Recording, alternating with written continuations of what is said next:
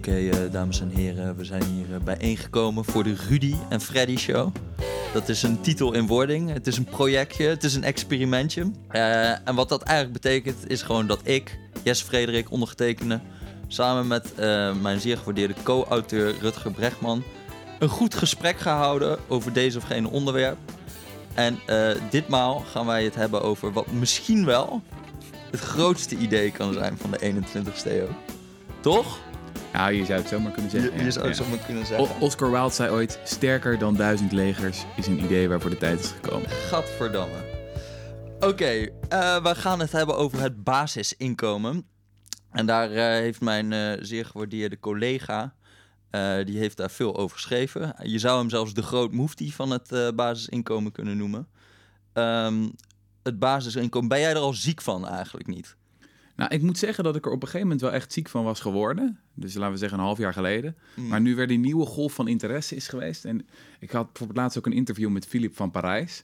Nou, die is er al sinds de jaren tachtig mee bezig. Uh, toen dacht ik wel van, hmm, het is eigenlijk toch wel echt een interessant onderwerp waar nog meer over te leren valt. En ik bedoel, ja, hij doet het al sinds de jaren tachtig, dus ik moet ook niet klagen. Ja. Uh, dus het begint weer een beetje op te leven. Oké. Maar jij bent het wel echt een beetje zat, toch? Nou ja, ik was er dus zat, want dat kwam ook eigenlijk omdat ik me er gewoon nooit in had ingelezen. Maar zo'n beetje bij elke lezing die ik moest doen, kwam weer altijd iemand met een vraag van... hé, hey, dat basisinkomen, is dat geen goed idee? Dus ik was instinctief tegen eigenlijk. Maar uh, nou, ik vind het eigenlijk ook wel steeds, uh, steeds beter te, te behappen. Uh, maar allereerst gewoon even voor de mensen die het niet weten. Wat is het en waarom moeten we het doen? Nou, heel kort samengevat, het basisinkomen is een universeel onvoorwaardelijk uh, inkomen. Dus universeel in de zin dat iedereen het zou krijgen. Het enige voorwaarde is dat je, zeggen we dan altijd, een hartslag hebt of, en boven de 18 bent, in de meeste voorstellen. Uh, het is onvoorwaardelijk, dus er is geen uh, inkomensafhankelijkheid of zo, geen means testing. en je hoeft er ook niet voor te werken, niks voor te doen. Er wordt ook niet gezegd hoe je het moet uitgeven, het is gewoon cash. en het wordt uitgekeerd door een, een politieke gemeenschap, in de meeste definities. Um, en het is hoog genoeg om van te leven. Al heb je ook basisinkomen voorstellen die, uh, dat noemen we dan vaak gedeeltelijke basisinkomens, uh, die dat niet zijn. En eigenlijk het enige echte basisinkomen dat de wereld ooit gezien heeft, is die, dat in Alaska. Dat keren ze dan uit vanuit de olieopbrengsten. En dat is lang niet genoeg om van te leven. Dat is, wat is het, 1000 tot 2000 dollar per jaar of zo. Maar dat is wel universeel en onvoorwaardelijk. Oké. En werkt die shit? Ja, mijn, mijn stelling is uh, van wel. Ik, ik, heb ook vaak de term altijd gratis geld gebruikt. Dat is een beetje ook een, een truc omdat je het dan wat kan oprekken. Dan kan je veel meer vormen en experimenten eronder laten vallen. Lekker. Uh, en daarom praat ik ook altijd over het basisinkomen als een denkrichting. Dus het echte uiteindelijke idee, ik zou kunnen zeggen de utopie, universeel onvoorwaardelijk genoeg om van te leven, dat hebben we gewoon nog nooit gezien. Dus mm -hmm. je kan er ook niet makkelijk over claimen dat je weet uh, hoe dat zou werken. Uh, maar in, in die denkrichting zijn natuurlijk wel heel veel stapjes te maken. Je kan de sociale zekerheid zoals we nu hebben, kan je onvoorwaardelijker maken. Je kan hem universeler maken. Uh, en eh, wat ik heb gedaan is naar heel veel experimenten en onderzoeken kijken um, waarin dat inderdaad is gedaan. In de ontwikkelingswereld, maar ook in rijke landen. En voor dat laatste moet je dan ook wel echt de geschiedenis induiken. Want dan kom je echt op wat oudere experimenten in de Canada en de VS in de jaren 70, 80. En een beroemd experiment in uh, North Carolina, dat een beetje per ongeluk ging. Mm -hmm. En leg even uit, wat leren we daar dan van? Wat, uh, wat blijkt dan? Want je, iedereen die zal meteen denken natuurlijk, uh, gratis geld. Nou, ik weet het wel, ik ga even lekker op de bank liggen. Mm -hmm. um, wat blijkt er uit die experimenten? Ja, mijn stelling is eigenlijk dat de basale les die je er steeds uit kan trekken, is dat de meeste mensen eigenlijk best wel sympathiek zijn en wel graag iets willen doen met hun leven. Uh, dat armoede niet zozeer een, uh, uh, zeg je dat, karaktergebrek is, maar een geldgebrek. Ehm, en dat je dus eigenlijk mensen boven die armoedegrens moet uitheffen door simpelweg geld te geven. En dat ze dan iets moois gaan doen met hun leven. En dat is eigenlijk wat je keer op keer terugziet in veel van deze experimenten. En wat ook wel blijkt uit recent um, neurologisch onderzoek. Dus een van mijn populairste artikelen, zeg nog het populairste artikel dat ik ooit heb geschreven op de correspondent had de titel uh, Waarom arme mensen domme dingen doen. En dat was dat onderzoek van Elder Shafir, iemand van uh, Princeton, die liet zien dat simpelweg leven in de context van armoede er al voor zorgt dat je domme dingen gaat doen. Dus eh, dat laat ook zien dat eh, ja, iedereen, als die zou leven in armoede, eh, onverstandige beslissingen zou nemen. En dat als je dus mensen opheft uit armoede, dat ze dan ineens veel meer, eh, ja, zij noemen het dan co- eh, cognitieve bandbreedte vrij hebben om slimme dingen te gaan doen. Eh, dus dat zijn allemaal, het zijn allemaal brokjes bewijsmateriaal eigenlijk die je bij elkaar verzamelt en die, die eigenlijk suggereren van dit is best wel een goed idee, laten we hier verder mee experimenteren. Ja, ja. Dus het is wel gewoon een experiment. Dus niet dat jij zegt van laten we dat nu meteen in Nederland even invoeren. Nee, nee, nee, dat heb ik nooit. al moet ik zeggen dat ik wel een klein beetje ook ben gaan twijfelen. Nou, nou, ik had laatst dus een interview met eh Philip van Parijs, dus de- de grote pleitbezorger van het basisinkomen. Ehm, en die, ehm, die zei, had een paar interessante opmerkingen over al die experimenten die nu zijn aangekondigd. Eh, in Finland eh, bijvoorbeeld wil de overheid gaan doen, maar ook denk aan Give Directly, eh, die in eh, Kenia ermee aan de gang wil. Dat, Give Directly is de ontwikkelingsorganisatie die gewoon, nou ja, de naam zegt het al, cash gewoon uitkeert. Ehm, 500 tot 1000 dollar. En die willen het echt het eerste supergrote basisinkomen experiment gaan doen, dat meer dan 10 jaar moet gaan duren, et cetera. En wat Van Parijs tegen me zei is van ja, kijk, je moet je natuurlijk afvragen hoeveel je nou echt kan leren van zo'n eh, experiment. Want het, de, de meest interessante effecten zullen ontstaan als je het op macroschaal echt gaat doen. Neem bijvoorbeeld één ehm, belangrijk ding eh, waarvan eh, pleitbezorgers van het basisinkomen eh, het altijd over hebben, is dat eh, als je mm, bijvoorbeeld de vuilnismannen een salaris geeft dat, eh, dat genoeg is om van te leven, dan hebben ze veel meer onderhandelingsmacht om te zeggen van ja, eh, geef mij even een eh, wat hoger salaris voor hetzelfde werk. En dat is dan ook het idee dat veel van dit soort banen ehm, veel meer zouden gaan verdienen. Dat soort, dat soort looneffecten zou je krijgen. Dat veel verder gaat dan alleen de invoering van zo'n basisinkomen. Maar dat zou je natuurlijk nooit krijgen, die effecten, als je het alleen lokaal zo'n experiment doet. Ehm, dus dat vond ik eigenlijk wel een, een eh, sterk experiment. Hij zegt eigenlijk het is vooral belangrijk publicitair. Ja, En dat zie je ook dat er in de af, als je het intikt op Google Trends, is echt fascinerend in de afgelopen drie, vier maanden. Echt een explosie van interesse geweest. Ehm, maar goed, om je vraag te beantwoorden, op het experimentele vlak ben ik ook wel steeds meer gaan denken, misschien moet je niet alleen experimenteren eh, in een lokale setting of met een randomized controlled trial of weet ik veel wat, maar zou je als land op een gegeven moment ook gewoon moeten gaan experimenteren door het gefaseerd in te voeren. Dus Ja. eerst een basisinkomen van 100 euro, dan van 200, dan van 300 en dan geleidelijk aan te monitoren eh, wat de effecten zijn. ja, want je zei net van over verliep van Parijs, maar hoe belangrijk zijn die experimenten dan voor jou? Zou jij ook gewoon... Denk je dat er iets uit die experimenten kan komen waardoor jij zegt van, ah, weet je, eigenlijk gewoon een kut idee. We, moeten die, we, we kunnen wel gewoon kappen met die nieuwe boektitel van mij, Utopia for Real is. Dit is gewoon Dystopia for Real. ja. Dit, eh, Ja, dit dat moeten is- we niet hebben. Dat is, dat is wel een gewetensvraag. Ik, ja, natuurlijk, ehm, stel dat er, dat er echt uit blijkt dat er grote delen van de mensen die dat basisinkomen krijgen, nou ja, eh, weet ik veel, op de bank gaan zitten en televisie gaan kijken en niks nuttigs doen. Ehm, ja, dan moet ik wel eens even gaan nadenken of mijn mensbeeld en mijn wereldbeeld nog wel klopt. Eh, ik zou hoogstens verbaasd zijn en ik zou natuurlijk wel gaan twijfelen aan de opzet van het experiment en weet ik wat allemaal. Ehm, maar ik denk dat je dat soort resultaten zou moeten krijgen. En dan, eh, nou ja, goed, dan moeten we eens even kijken of er nog een andere utopie uit de kast Ja, maar trekken van. nu gaan we even benchmarken. Ja. Kijk, eh, bij die, ik had nou even gekeken, bij die Amerikaanse experimenten, zo is het ongeveer ergens tussen de 5 en 10 procent of Ja. zo, dat mensen minder gaan werken. Ja, al is zelfs dat wordt nog betwijfeld, hè? want dat is op data eh, gebaseerd die self-reported was. Ja, dat was En- bij die Canadezen, toch? Of niet? Oh nee, dit is de Amerikaanse. Oh ja, oké. En toen hebben ze dat later nog een keer gecheckt met eh, officiële data van de overheid. Toen bleek eigenlijk dat mensen hun, hun uur een beetje under gereport hadden of hadden, hadden eh, onderschat. Waarschijnlijk om, weet ik veel, minder belasting te betalen of zo. Ehm, dus het effect was echt heel klein. En wat die onderzoekers ook zeiden, zo in de Canada als de VS, is dat als men minder ging werken, dat dat eigenlijk altijd gecompenseerd werd door nuttige andere dingen. Dus jongeren gingen meer naar school, ehm, veel jonge moeders besteden meer tijd aan hun kinderen. Ehm, of mensen gingen op zoek naar een betere baan. En dat is volgens mij alleen maar positief allemaal. Dat is, dat is ook echt het idee van een basisinkomen. Dat het juist mensen de kans geeft en de mogelijkheid om eh, keuzes te maken die eh, ja, leiden tot een zinniger en beter leven. Ja, oké. Dus, dus zou jij dat nog accepteren als 10% minder werk is? Dat zou je op zich oké vinden. Ergens zou ik misschien een zelfs een beetje geintje hoor. Ergens zou ik misschien zelfs een beetje teleurgesteld met zijn met slechts 10% minder werken. Op, Ja. op termijn moet het natuurlijk nog, nog verder omlaag, dat, dat, dat aandeel van betaalde werk. Dus ja, ik, ben, ik ben- ik pleit- pleit voor de 15-urige werkweek op termijn. Ja, dat is ook nog. Kijk, jij zegt eh, Utopia for Realist, maar dan kijk ik, wat wil je allemaal? Je wil 15 uur werkweek, je wil een Mhm. basisinkomen, je wil open grenzen. Dan denk ik, eh, Rutger, al zo, al zo, al zo. dat kan toch niet? Nee, niet in één klap. Nee, niet in één klap. Maar ik, ik, voor mij was echt de, do- de doorbraak, de, of een heel belangrijk stukje in, eh, van de puzzel, was dat essay wat David Graeber toen schreef. Over bullshit jobs, over banen die eigenlijk overbodig zijn.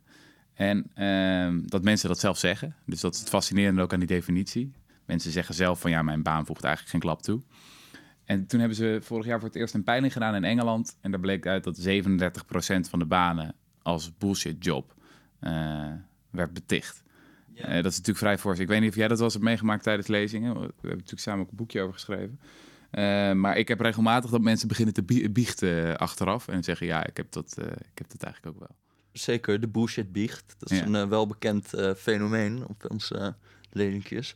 Maar kijk, daar denk ik dan ook wel... Stel dat je dat nou zou vragen aan, weet ik het, een... eh, ehm, iemand die in de fabriek werkt of zo. Is jouw baan zinvol? Voegt iets toe aan de wereld? Mhm. Dan zou hij misschien ook nee zeggen. En terwijl uiteindelijk hebben we het wel nodig. Ja, dat zou, je, dat zou je moeten onderzoeken. Maar ik denk het eerlijk gezegd niet. Ik denk dat, eh, laten we zeggen, de leraar, de verpleger, de vuilnisman, de, degene die werkt in, de, in grote delen van de maakindustrie, dat als je, als je, ze, als je ze vraagt van voegt jouw baan iets toe, zeg maar, aan, aan de wereld, dat de meeste mensen wel de vraag zullen begrijpen en zullen antwoorden, ja, het voegt wel iets toe. Ja. Dus ja, het is wel vervelend als ik en al mijn collega's zouden stoppen met werk. Maar dit is ook wel een van de redenen waarom ik eigenlijk steeds meer gecharmeerd ben van eh, zo'n basisinkomen. Van wat ik altijd merkte, ook bij lezingjes en zo, dat de enige mensen die dat dus helemaal niet hebben, het idee dat ze een bullshit werk doen, is zijn vrijwilligers. Dus gewoon mensen die onbetaald werk doen en die daar zelf voor hebben gekozen. Eh, die hoor je altijd zeggen, nou, als ik zou staken, eh, dan eh, valt alles uit elkaar hier of zo. Ja. Dat vind ik, wel, vind ik wel fascinerend. En dat belonen we totaal niet. Ja, misschien in ieder geval niet in geldelijke zin. We stellen ze niet daar heel erg toe in staat om dat, dat te doen. En dat zou zo'n basisinkomen wel doen, denk ik. Ja, en dat was ook voor mij was de grote openbaring ook toen ik ontdekte dat, dat steeds meer mensen, eh, vaak ook hoogopgeleide mensen, die dus zeer succesvol zijn volgens de definitie van de kenniseconomie, ehm, dat juist die mensen de dingen die ze echt belangrijk vinden, financieren met bullshit. Mhm. Eh, dus nou ja, we weten natuurlijk dat het in de journalistiek een heel gebruikelijk model is. Dus je doet zeg maar PR-klussen voor bedrijven die je haat. Eh daar verdien je heel veel geld mee. Kan je onderzoeksjournalistiek gaan doen eh, naar precies dat soort bedrijven. Ja, dat dus is een soort technische van- term voor. Dus- Journalistiek. Journalistiek, ja, noemen we dat. Maar dat, dat, kom, je, dat kom je op allerlei eh, plaatsen voor. Eh voor volgens, ik, heb wel eens gesproken voor, wat is het, 200, 300 consultants. En toen eh, kwamen mensen achteraf naar me toe die zeiden van... ja, ik heb eigenlijk een part-time bullshit job. Eh, dat, dat gaat zo. Ik verdien een deel van mijn, van mijn werk verdien ik veel geld... om bedrijven, klussen te doen voor bedrijven die ik niet zo interessant vind. Maar vervolgens kan ik dan allerlei pro bono klussen te doen, voor stichtingen en zo... waar ik echt bewondering voor heb. Kortom, ook weer die, die, die omgekeerde wereld. En ik denk ook dat het basisinkomen daar eigenlijk een logisch antwoord op, op is. Het is niet, een, het is niet in één keer lap dat het alles oplost. Maar het, laat, het is in ieder geval een manier om heel anders te gaan nadenken over, over inkomen, over wat werk precies is, wanneer voeg je echt iets toe Mhm. eh, en noem maar op. Ehm, toch weet je, ik zit ook altijd nog wel een beetje te denken. Kijk, nu zie je heel veel bij werklozen bijvoorbeeld. Dat je daar allemaal eh, psychologische problemen van krijgt. Als je werkloos bent. Als je geen werk hebt, dan, dan eh, is het toch. Raak je in een soort sleur en dan is het steeds moeilijker om zeg maar eh, levensinvulling te krijgen. En als je dat totaal gaat doorsnijden, die verband, dat, dat je niet meer hoeft te werken, ehm, dan ga je er een beetje vanuit dat al dat soort problemen dan weggaan. En dat mensen zelf wel een invulling gaan geven aan hun leven die zinvol is. Ja, ik, ik ben daar sceptisch over, een beetje. Ehm, dus ik vraag me af, zou je ook niet... Mijn utopie vroeger was meer iets van dat, dat je een soort, de overheid een soort baangarantie geeft. Dus dat ze in ieder geval zeggen, iedereen die voor het minimumloon wil werken, die kan een baan krijgen. Eh, ik weet niet hoe jij daar tegenover staat. Zou je dat... eh, Nou, la- laat, ik een, laat ik een dubbel antwoord geven. Ehm, ik denk dat, de reden dat zoveel mensen nu depressief worden als ze werkloos zijn, inderdaad, het bewijs daarvoor is overweldigend. Er is één studie, geloof ik, uit de VS die laat zien dat het langdurige werkloosheid erger is dan het verliezen van je partner. Um, voor je termen van je geluksniveau en depressie en noem maar op. Um, maar dat heeft natuurlijk ook alles te maken met dat we een samenleving hebben gecreëerd die volledig gefixeerd is op het vinden en op het hebben van betaald werk. Zelfs de sociale zekerheid is er compleet op gefixeerd. Zo snel mogelijk weer aan het werk. En als je geen betaalde baan hebt, dan doe je niet mee. En al het andere, het onbetaalde werk, vrijwilligerswerk, et cetera. We doen altijd wel alsof we het belangrijk vinden. Soms noemen we dat de participatiesamenleving. Maar als je kijkt naar alleen al onze belangrijkste maatstaf van vooruitgang, het BBP, dan tellen we het niet mee. Uh, en in heel veel opzichten is dat het ondergeschoven kindje. Dus wat mijn ideaal zou zijn, is dat we naar een wereld gaan, stapje voor stapje, niet in één klap, maar waarin het idee uh, van wat een bijdrage is en wat werk is, gewoon zwaar wordt opgerekt. Ja. En dat we, dat we daar heel andere ideeën over gaan krijgen. En ik denk dat dat niet in één klap kan, maar wel stap voor stap. Als je daar ook uh, um, bijvoorbeeld geleidelijk aan een basisinkomen bij invoert. Um, en of, of mensen zich dan zullen gaan vervelen en niks gaan doen uh, in, een, in een tijd. Nou, het eerste wat dan bemoedigend is, is dat als je nu kijkt naar de landen die de langste werkweken hebben, dan zijn dat juist de landen waar ook het meest televisie wordt gekeken. Denk aan de VS, Turkije en Japan. Dat is een vrij sterke uh, correlatie tussen. En juist landen met relatief kortere werkweken hebben mensen meer tijd ook voor vrijwilligerswerk en voor theaterbezoek en noem maar op. Um, en het andere uh, deel van het antwoord is simpelweg dat we het onderwijs ook veel meer dan zouden inrichten om mensen voor te bereiden om iets te gaan doen, iets moois te gaan doen met hun vrije tijd. En nu hebben we natuurlijk onderwijs dat mensen zo snel mogelijk ja, wil uitpoepen als flexibele pakketjes op de arbeidsmarkt om een of andere bullshitbaan te gaan vervullen. Um, ja, dat zou je dan helemaal anders doen. Dus dat is mijn ideaal. ben ik dan tegen een baangarantie of zo? Nou, zo'n... Uh, die melkertbanen, geloof ik, dat waren eigenlijk best wel prima dingen. Gaven heel veel, bijvoorbeeld... Uh, relatief laag opgeleide mannen de kans om conciërges te zijn op een school. Mhm. En dat is absoluut beter dan thuis zitten. Um, maar misschien is dat toch de liberaal in mij die dan een beetje een afkeer heeft tegen het idee van dat vadertje staat gaat bepalen van we hebben dit nodig, ga jij dat werk maar doen, et cetera. Nee, nee, ehm, oké, maar we kunnen hier even denk ik wel een compromis sluiten. Mhm. Stel dat we met jouw basisinkomen komen we zet, en die zetten we op zeg 70% van het minimumloon. Mhm. En dan een baangarantie op 100% van het minimumloon. Zie je dat zitten of voel je dan toch een beetje als basisinkomenman een beetje het ondergeschoven kindje? Want dat ben je dan, hè? Nou ja, het is, het is beter dan wat we nu hebben. Sterker nog, wat je nu voorstelt is wat ze willen gaan doen in het Utrechtse experiment. Hè? Ja? Dus oh, ja. daar willen ze, willen ze eigenlijk een aantal varianten gaan testen. Eentje gewoon uh, dat je dat basisinkomen krijgt. En de andere is dat je een basisinkomen krijgt plus een bonus als je werkt. En nog een andere variant is dat je dat basisinkomen krijgt plus, een, plus die bonus, maar een boete als je niet werkt. Dus het is eigenlijk hetzelfde als die groep daarvoor, alleen de framing is anders.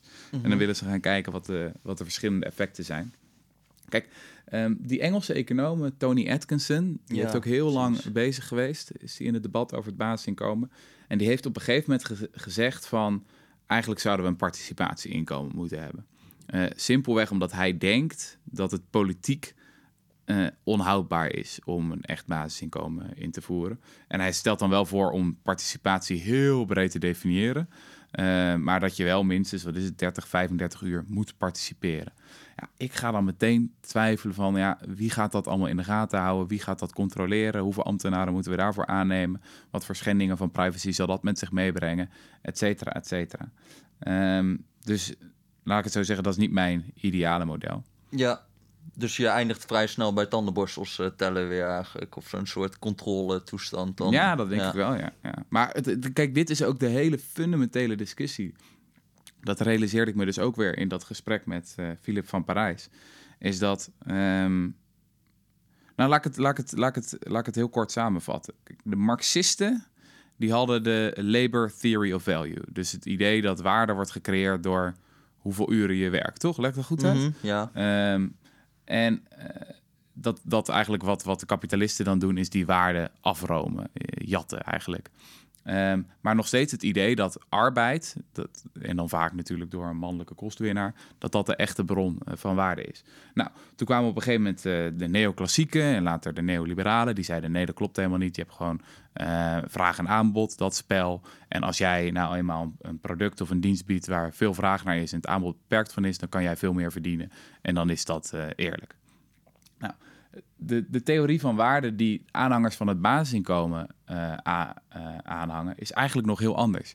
Die zeggen van ja, het is allemaal interessant, die arbeid en dat vraag en aanbod en weet ik wat allemaal.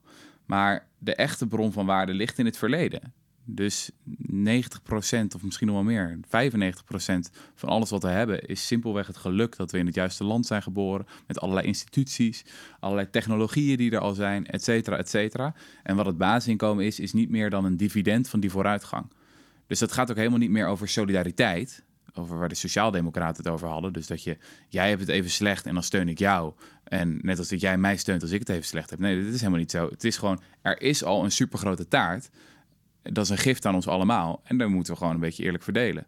En daarbovenop kan je nog best wel een systeem hebben waarin mensen werken en nog extra geld verdienen, et cetera. Ja. Maar het is een heel ander idee van verdiensten en werk en waarom je ergens recht op hebt. Ja, maar uiteindelijk uh, moeten al die mensen die het basisinkomen genieten, die consumeren eigenlijk de goederen en diensten die mensen die werken maken. Ben je met me eens, toch? Voor een groot gedeelte. Dus um, stel je voor, al die mensen die werken, die maken één grote stapel aan goederen en diensten. Mhm. Dan is er een gedeelte van de mensen dat niet werkt, die gepensioneerd zijn, die kind zijn en die het basisinkomen genieten en mhm. verder geen werk doen. En die nemen daar een beetje van die berg, nemen zij tot zich. Ja. Uh, ik zit dan te denken, ja, is dat kijk, er is een reden waarom wij een beetje de verplichting van werk in onze maatschappij hebben uh, uh, ingesteld. Omdat je zeg maar, wil dat iedereen een beetje een bijdrage levert aan die grote berg aan goederen en diensten. Ja, precies. En dit is ook het intuïtief voor heel veel mensen een heel sterk idee. Ja. En dat is ook waarom het basisinkomen uiteindelijk volgens mij gaat het over echt een ethische discussie. Dus je kan 100 triljoen onderzoekjes uh, erbij pakken en laten zien van kijk, het werkt, het is goedkoper, het kost effectiever. Uiteindelijk zijn we allemaal beter af, et cetera. Maar diep van binnen zit bij mensen zo sterk het idee, je moet werken voor je geld. Weet je wel, er is geen gratis lunch. Je moet iets bijdragen, zeg maar. Um, en dat, dat, dat is gewoon de grote paradigma shift. Is als ik, als ik bijvoorbeeld jouw metafoor gebruik van je maakt zo'n enorm, er wordt zo'n enorme berg aan goederen en diensten gemaakt. En mensen krijgen dat gratis. Eigenlijk moet je die enorme berg aan goederen en diensten gaan zien als iets dat voor 90% door het verleden is gecreëerd. Dus door, met behulp van allerlei technologieën en instituties en dingen die we hebben gekregen. En slechts voor 10% door degene die dat dan Ehm, ja, maar je kan moeilijk volhouden dat als mensen niet meer zouden werken, dat die bergen dan nog zo zijn, omdat het verleden daar wel voor zorgt. Ja, zo werkt het natuurlijk niet. Zo dat werkt het niet. Ja. als ze zouden stoppen met werken, zouden er een boel instorten. Al is het natuurlijk wel uh, zo dat, uh, laten we eerlijk zijn, met, het, met de opmars van de robots, en voor een deel zijn die er natuurlijk al, mm wordt een groot deel van, ons, van onze productie wordt gedaan, niet door ons, maar nou, ofwel door robots ofwel door loonslaven in Bangladesh. Um, dus ik denk dat dat ook meespeelt. Dat is ook, dat is ook het oude argument al geweest van uh, Thomas Paine. Uh, die altijd zeiden van je moet van die technologische vooruitgang moet je een dividend uitkeren. Ja, oké, maar kijk, dan is de vraag in welke vorm geef je dat dividend terug? Mhm. Dus ik zou er misschien wel eerder dan voor pleiten van nou, ga dan de hele werkweek voor iedereen verkorten. Dus dan spreid je het gewoon een beetje uit, het vooruitgangsdividend. En dan bij zo'n basisinkomen geef je het eigenlijk uh, aan die groep die stopt met werken, in zekere zin. Nou, dat is, dat is volgens mij een idee dat lange tijd een heel goed idee was. Dus dat is, die route is ook genomen van halverwege de 19e eeuw tot aan, uh, nou ja, zeker de jaren 80 is, is die werkweek steeds verder gekrompen. En vaak ook gewoon door te zeggen mhm. van oké, we gaan nu naar een 50-urige werkweek, gaan nu naar een 40-urige werkweek. In de jaren 30 is zelfs nog in de VS voorgesteld om naar de 30-urige werkweek te gaan. Um, alleen het punt is dat volgens mij zo'n maatregel nu niet meer zo goed zou werken, omdat zoveel mensen meerdere baantjes hebben. Dus dan zou het zich gewoon opstapelen. En je volgens mij niet meer zo makkelijk als overheid ja, gewoon verplicht op kan leggen dat mensen zoveel maximaal mogen werken. Mhm. Eh, en het, het, basisinkomen zou mensen gewoon zelf de mogelijkheid geven. Zou volgens mij een veel elegantere manier zijn om mensen de kans te geven om minder betaald te gaan werken, maar meer onbetaald. Dus het is een misvatting als, als mensen denken dat ik vind dat. Um, mensen te veel doen of zo. Ik denk eerlijk gezegd dat mensen in de samenleving die we nu hebben vaak juist te weinig doen. Te veel, eh, nou ja, laten we zeggen om vier uur, vijf uur 's middags op een kantoor zitten en een beetje op Facebook rond zitten te surfen. Omdat ze niet naar huis durven te gaan, want eh, ja, de eerste collega die gaat pas om zes uur of zo. Ja, Eh, dat, is eerder, dat, is, Rudy. dat is eerder te weinig doen. Ja, ik ben inderdaad altijd het laatste op het werk en het eerste. ja, ja, ja. Je moet een beetje je eigen filosofie in de praktijk brengen. natuurlijk. Zeker. Oké, en Ik heb trouwens, als, dat is misschien ook wel aardig. Ik heb zelf ook nog wel een paar, ehm, paar vragen waar ik mee zit over het basisinkomen. oké. En eh, waar ik zelf niet echt het antwoord op weet. Of althans nooit het goed, goede antwoord op weet. Ik krijg echt super vaak, bijna altijd als ik een lezing geef over het basisinkomen, de vraag: ja, maar. Klinkt allemaal leuk en aardig, maar we krijgen dan toch massa-inflatie. Mhm. Eh, dus als we, weet ik veel, iedereen 1000 euro per maand geven, dan gaan de huiseigenaren toch zeggen: Oké, prima, huur ook 1000 euro per maand omhoog en klaar. Het hele idee is dan Mhm. weg. Mhm. En ik, goed, ik antwoord dan altijd van: Nou, ja, maar als je het eh, eh, gewoon fiscaal financiert, dus door gewoon belastingen te doen, dan is de totale geldhoeveelheid niet groter. Dus het is niet dat het geld bijdrukken of zo. Dus dat betekent ook dat rijkere mensen wat minder te besteden hebben. Uiteindelijk is er, zijn er ook mensen die dan eh, verliezen. Dus dan valt het wel mee met die inflatie. Maar op een of andere manier kijken mensen me dan toch altijd nog aan van... eh, dat gaat hem niet worden. Nou, en Heb dat jij doen, niet- ze, dat doen ze met recht. Heb jij niet even een beter antwoord? eh? Ja, nee, het is natuurlijk wel, dat, dat is wel ook een bezwaar hoor, dat het inflatoire zou kunnen zijn. Want als je dus, ehm, als je dus bedenkt dat, stel dat het echt zo is dat het arbeidsaanbod met 10% afneemt en mensen gaan 10% minder werken, Mhm. dan worden er dus echt minder goederen en diensten gecreëerd. En ik denk dat die vraag hetzelfde blijft in principe, want je geeft mensen daarvoor inkomen in de plaats. Mhm. Dus eh, als mensen echt zoveel minder gaan werken. eh, en mensen blijven wel vragen hebben naar vuilnismannen, naar zorgverlening en dergelijke. Dan zou het inflatoire kunnen zijn. Kijk, de vraag is of dat niet wordt opgelost in bijvoorbeeld de informele sector. Dus dat mensen onbetaald dat werk gaan doen. Dus Mhm. je krijgt bijvoorbeeld meer mantelzorg. Nou, dan komt er minder vraag naar thuiszorg, eh, Mhm. dat soort hulpverlening. Dus daar zou je niet de prijzen gaan opdrijven. Ehm, maar het hangt er heel erg vanaf van wat je denkt, wat de effecten gaan zijn op hoeveel mensen minder gaan werken. En vind jij dit een sterk bezwaar? Kan je dit ja, managen dit is, dit bijvoorbeeld? is denk ik het bezwaar wat mij betreft. Maar kan je dit niet managen door, ik bedoel, we hebben nu ook toch allerlei macro-economisch beleid om de inflatie te stimuleren of af te remmen. En volgens mij is nu trouwens het grote probleem dat we eerder deflatie hebben dan inflatie. Mhm. Ehm, ja, dat zou kunnen. Dus dan, maar dan moet je dus heel, eh, nog, nog meer gaan herverdelen. Dus meer belasting heffen op, eh, op eh, eh, rijkere groepen. Mhm. Maar goed, kijk, het is heel moeilijk om, dat, om daar heel hard tegenop te belasten. Het kan wel. Maar als jij echt denkt dat het arbeidsaanbod met 10% op, afneemt... dan zijn dat wel hele forse bedragen waar je eh, over praat. En ik weet niet, ik kan het nu niet zo even op de achterkant van een sigarendoos berekenen. Hm. Eh, maar dat gaat wel om veel geld. Mhm. Maar kijk, het ligt er ook wel allemaal aan wat jij denkt... hoeveel bullshit jobs er zouden verdwijnen bijvoorbeeld. Kijk, niemand gaat die missen. Als daarna vervolgens geen vraag naar is of zo... Voilà, boeien. Maakt Hm. niet uit. Maar Ja, en vraag zou zich wa- waarschijnlijk ook verplaatsen naar, verplaatsen. naar andere. eh, Dus je zal al heel veel van dat soort eh, effecten krijgen. Maar kijk, de in de Nederlandse context denk ik dat dit sowieso niet zo'n heel sterk eh, bezwaar is. Want wij hebben dus, eh, wij hebben dus een handelsoverschot van zeg 10% of zo. Mhm. Dus wat je zult gaan zien als je mensen gewoon meer inkomen geeft, is dat er meer import gaat plaatsvinden. Hm. Dus we gaan meer spullen uit het buitenland halen. En als wij dan niet extreem veel minder gaan exporteren, dan kunnen we dat makkelijk opvangen door het gewoon te importeren in plaats van zelf dat werk te gaan doen. Want nu zijn we dus eigenlijk gewoon aan het werken voor het buitenland en allemaal spullen naar hun aan het sturen, waarvoor we papiertjes, waarvoor we geld krijgen Mhm. maar waar we geen echte spullen mee kopen. Dus ik denk dat in Nederland zal niet zo heel erg snel nog voor eh, inflatie gaan zorgen. Hm. Maar ehm, ja, dat is wel een eh, puntje hoor, Rudy. En daarom zou je misschien ook dus zo'n baangarantie, als ik even op mijn punt mag Komt komen, hij weer met zijn Dan eh, gaan we- 19e eeuwse idee. gaan, gaan er in ieder geval niet minder eh, goederen en diensten geproduceerd Nee, worden. precies, ja. ja. Dan blijven die conciërges op de scholen. Ja. hè? Ja, en ik dacht nog, het bezwaar wat je natuurlijk ook heel vaak krijgt, is de, de onbetaalbaarheid van het plan. Mhm. Van kunnen we zo'n eh, basisinkomen überhaupt wel financieren? Maar wat, wat mij dan altijd wel een klein beetje irriteert, is dat heel vaak wordt er dan zo'n sommetje gemaakt van: oké, we hebben zoveel miljoen inwoners, keer duizend, dat is zo'n bedrag. Oh, dat kunnen we echt niet betalen. Dat is wel 160 miljard, weet ik veel wat. Maar De netto-effecten kunnen natuurlijk veel kleiner zijn. Want veel mensen zullen gewoon een basisinkomen krijgen en evenveel aan belastingen extra betalen. Netto is nul. Ehm, en ik, ik vond het een van de, de eerste keer dat ik hoorde wat het kost om de armoede uit te roeien in Nederland. Nou, ik viel echt achterover in mijn stoel. Dat is een SCP-onderzoeker die dat vertelde tijdens een congres. En dat blijkt echt maar 2 à 3 miljard te kosten. Dus alleen om mensen gewoon netto op te heffen, alle mensen die nu onder de armoedegrens zetten, uh, zitten, omhoog te heffen naar daarboven, Mhm. dat, is, dat is 3 miljard per jaar. Ja, nou ja, alleen, shit, alleen de werkloze industrie is al twee keer zo duur. Ja, Ehm, dus dat is echt de, de zorg kost 94 miljard.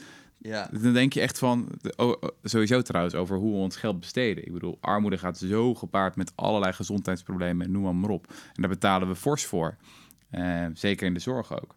Dus, dus ik, ja, ik denk zeker op, als, als je het hebt over kosteneffectiviteit, ben ik steeds meer gaan geloven dat het uitroeien van armoede gewoon een investering is die zich op termijn terugverdient. Ja, dat is ook zo'n voor de hand liggend programma eigenlijk, om dit gewoon te testen. Laten we alsjeblieft gewoon eens een keertje gaan proberen. eh, gewoon, gewoon de kostenbaatanalyse echt serieus nemen Mhm. en dat gewoon gaan doen. En mensen gewoon het geld geven. En het andere alternatief is het systeem dat we nu hebben. En kijken hoe die twee tegen elkaar afsteken. Volgens mij gaan ze dat echt glorieloos verliezen wat we nu doen. Ja. Zo, Ja. kost, eh, zo weinig kosteneffectief. Ja, ik, ken, ik ken trouwens één studie in de, in de VS waar dat echt is gedaan. Ja. Dus dat was dat natuurlijk experiment in North Carolina. Daar hadden dus, wat is het? Enkele duizenden, zes, zevenduizend eh indianen die een eigen casino waren begonnen. Die mochten daar de winst van uitkeren aan zichzelf. En dat liep op tot, eh, wat is het, 8.000, 9.000 dollar per jaar. En dat was dus genoeg om heel veel mensen op te heffen uit de armoede.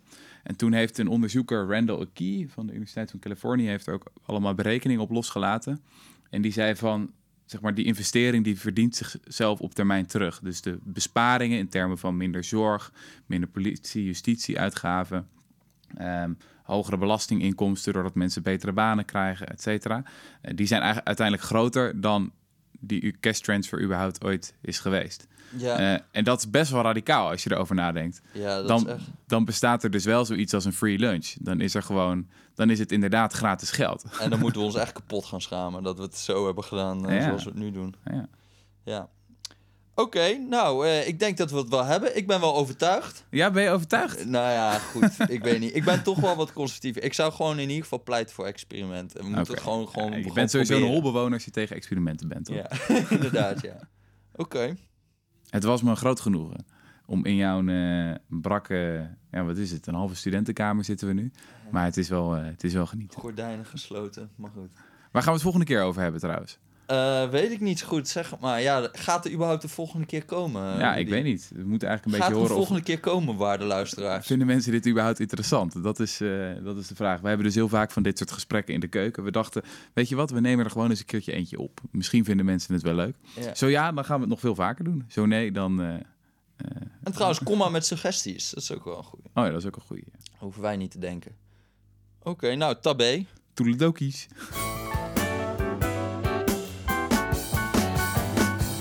Het wel leuk, hè? Ik vond het ook wel leuk.